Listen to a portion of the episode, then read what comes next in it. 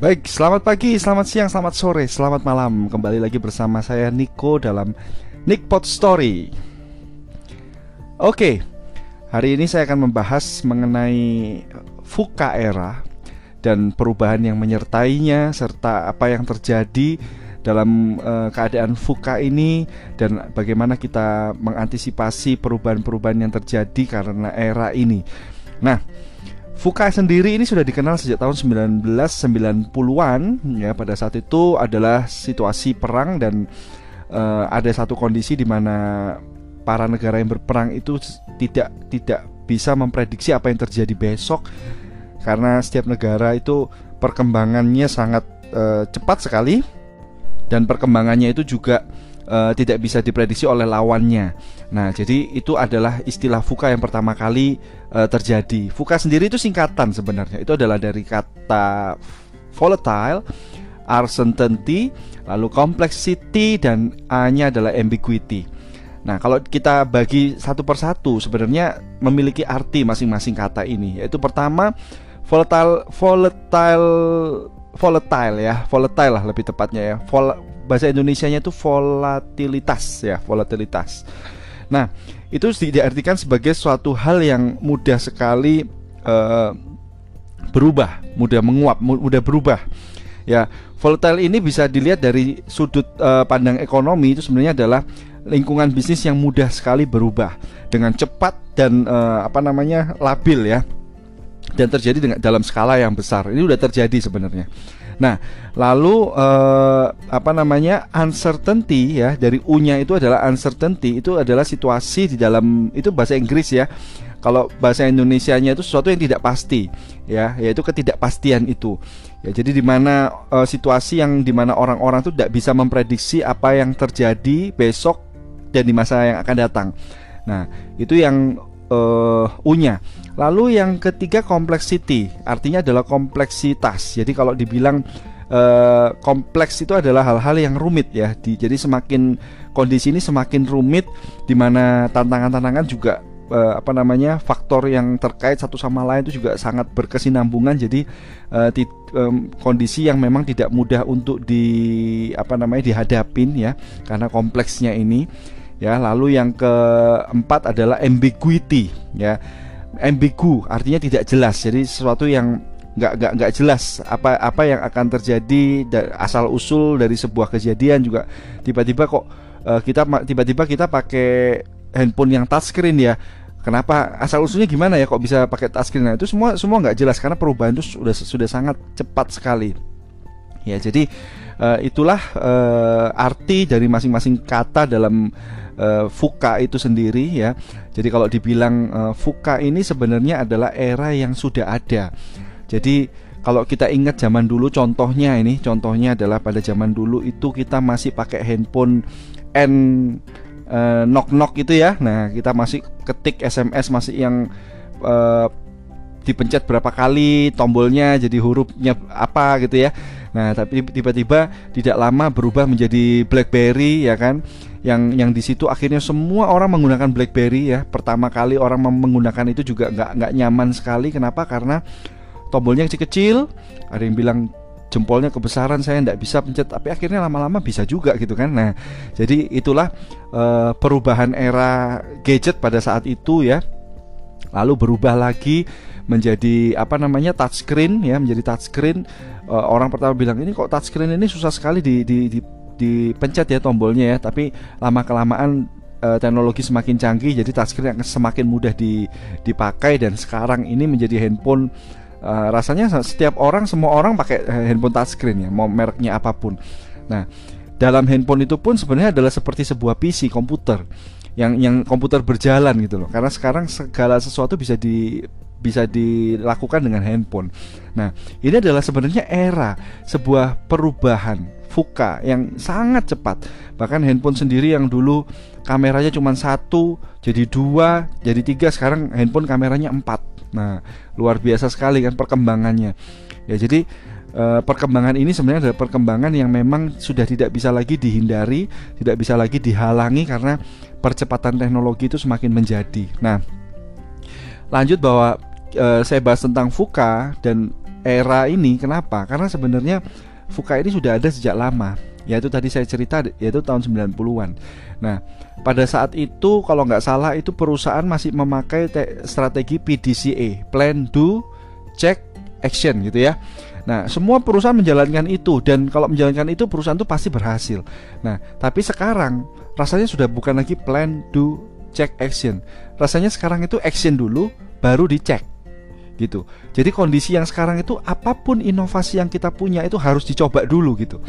Jadi era VUCA ini sebenarnya era yang di mana kita itu punya waktu untuk mengelaborasi setiap skill atau penemuan-penemuan yang kita bikin, yang kita buat. Nah, jadi ada baiknya juga sebenarnya. Kenapa? Karena ini adalah era di mana orang itu lebih bebas, uh, independence untuk membuat sebuah uh, penemuan ya. Lebih tepatnya sebuah penemuan. Entah itu dari digital atau dari apa namanya uh, ekonomi ya bisnis atau bisa juga dari olahraga atau apa pun ya. Jadi uh, segala sesuatu bisa diciptakan sekarang ini ya dengan dengan kunci yaitu inovasi yang pasti ya. Inovasi inovasi dari kreativitas. Dalam uh, podcast saya sebelumnya saya bicara juga soal kreativitas ya. Kali ini saya akan bicara soal kreativitas yang dibentuk dari era VUCA ini. Nah, lalu apa hubungannya era VUCA yang terjadi itu dengan kondisi pandemi yang eh, kemarin saya bahas dalam podcast saya. Ya, kemarin saya janji kan mau mau ceritakan tentang VUCA era ini. Nah, jadi ada kaitannya sebenarnya. Kalau VUCA kita masih boleh tidak mengikuti, masih bisa jadi ibaratnya kalau kita waktu orang berganti ke BlackBerry kita mau pakai handphone Nokia yang lama itu masih nggak ada masalah. Mau pakai handphone Nokia ya, saya sebutin merek aja. Itu tidak ada masalah. Ya, tetapi saat ini eh, apa namanya orang yang bekerja sudah pasti memakai aplikasi yang namanya Zoom. Nah, ya WA video call dan sebagainya. Kenapa? Karena kondisi yang sekarang itu orang dipaksa berubah. Kalau dulu itu masih boleh berubah, boleh enggak. Kalau sekarang di pandemi ini kita dipaksa untuk berubah. Dan kita baru menyadari juga ternyata semua pekerjaan hampir semua, saya koreksi hampir semua pekerjaan itu bisa kita lakukan melalui uh, platform digital. Mau jualan, mau menjadi public speakers, mau menjadi MC, mau menjadi apa namanya ya, uh, bekerja di otomotif, sekarang semua bisa online. Ya kecuali bengkel Ya, tapi kalau sekarang bengkel uh, yang sederhana-sederhana banyak orang bisa mempraktekkan sendiri di rumah karena di YouTube banyak sekali uh, do it yourself ya yang yang uh, apa namanya video-video yang bisa mengaplikasikan kita di rumah gitu. Nah, jadi uh, apa pun kita bisa lakukan dan perubahan-perubahan itu sangat cepat sekali. Bahkan kalau dulu ibaratnya uh, kita ini yang orang nggak bisa masak gitu ya, sekarang tiba-tiba kita jago masak. Kenapa? Karena kita tinggal lihat YouTube orang sudah share benar-benar uh, resepnya uh, resepnya yang yang yang yang jelas dan apa namanya aplikatif sekali ya. Jadi memang kalau saya bilang itu sekarang itu orang yang tidak dinamis itu akan tertinggal. Jadi kita itu harus dinamis mengikuti perubahan dengan cepat gitu ya. Nah jadi kalau kalau saya bilang itu itu tentang fukanya sendiri dan era pandemi ini. Jadi kita harus berubah. Kondisi ini memaksa kita berubah. Nah, lalu apa yang harus kita kerjakan, yang harus kita lakukan menghadapi perubahan ini? Ya, apakah kita siap menghadapi perubahan ini? Ya, fuka era ini. Nah, yang pertama persiapan-persiapan yang harus kita miliki ya dalam dalam menghadapi perubahan itu adalah yang pertama yang barusan saya uh, bicara tadi adalah hiduplah dinamis. Ikuti perubahan. Itu yang pertama. Ikuti perubahan. Belajar. Kalau kemarin itu kita jualan uh, online masih via satu platform, kita coba belajar ke platform yang lainnya juga. Jadi kembangkan itu. Jadi belajar lagi, belajar lagi karena ilmu tuh semakin hari ini semakin kita tuh rasanya uh, cetek banget ya ilmu kita ini karena banyak hal yang sebenarnya sebenarnya kita tidak tahu juga gitu loh. Ya, karena semakin mudahnya kita menjangkau eh, platform-platform digital melalui platform digital itu kita menjangkau eh, video-video literasi dan sebagainya banyak ilmu pengetahuan yang kita nggak tahu ya. Jadi ikutilah uh, perubahan ya harus dinamis ya. Dan yang yang kedua adalah asah kreativitas asah kreativitas. Karena hal yang monoton itu adalah musuh zaman ini sebenarnya. Zaman ini itu menghendaki kita itu untuk melakukan inovasi tiada henti. Jadi itu yang harus kita hadapin, yang harus kita lakukan dalam bisnis kita, dalam pekerjaan kita, apa pun profesinya. Ya bahkan kalau kita dulu dokter harus ketemu, sekarang pun dokter bisa lewat online, ya kan. Who knows suatu hari nanti uh, melakukan operasi juga dokter dari Singapura bisa melakukan operasi orang di Indonesia melalui robot. Dia dia uh, memprogram robot itu. Kita tidak pernah tahu. Dan saya dengar itu sudah masuk dalam proyek mereka di kedokteran. Ya. Jadi benar-benar hal, hal monoton adalah musuhnya zaman ini ya. Itu yang kedua. Lalu yang ketiga, ingat saja ILA, ILA. Ide langsung action. Jadi begitu ada ide langsung action. Ya, coba Ya seperti saya buat podcast ini Podcast ini baru saya kepikiran itu kemarin sehari sebelum saya uh, membuat podcast ini. Jadi ada teman eh, datang dan uh, sharing bahwa apa yang bisa kita lakukan dalam kondisi seperti sekarang ini. Saya saya berpikir saya ingin membuat sebuah kreasi-kreasi di mana banyak orang bisa terbantu dari kreasi saya dan dan tercetuslah podcast dan saya langsung action di hari berikutnya. Jadi benar-benar uh, saya harus menjalankan apa yang saya buat sendiri gitu ya. Ide langsung action. Jadi nggak usah berpikir nanti terlalu rumit-rumit ya karena sekarang juga banyak bisnis yang nggak perlu modal sebenarnya. Ya membuat video membuat apa juga nggak perlu modal yang besar.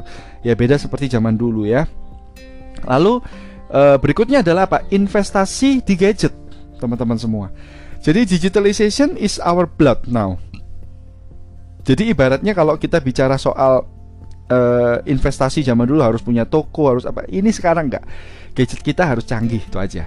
Gadget kita harus bagus ya. Jadi itu untuk menunjang uh, digital platform yang sedang kita hadapi saat ini. Jadi memang banyak hal yang kita bisa lakukan dari rumah sebenarnya melalui uh, digital platform itu. Jadi memang itu yang yang penting untuk kita hadapi kita lakukan sekarang ini ya. Dan yang ke lima ya. Yang berikutnya itu saya cuma bilang bahwa secara mentality kita harus uh, tidak boleh mudah menyerah ya.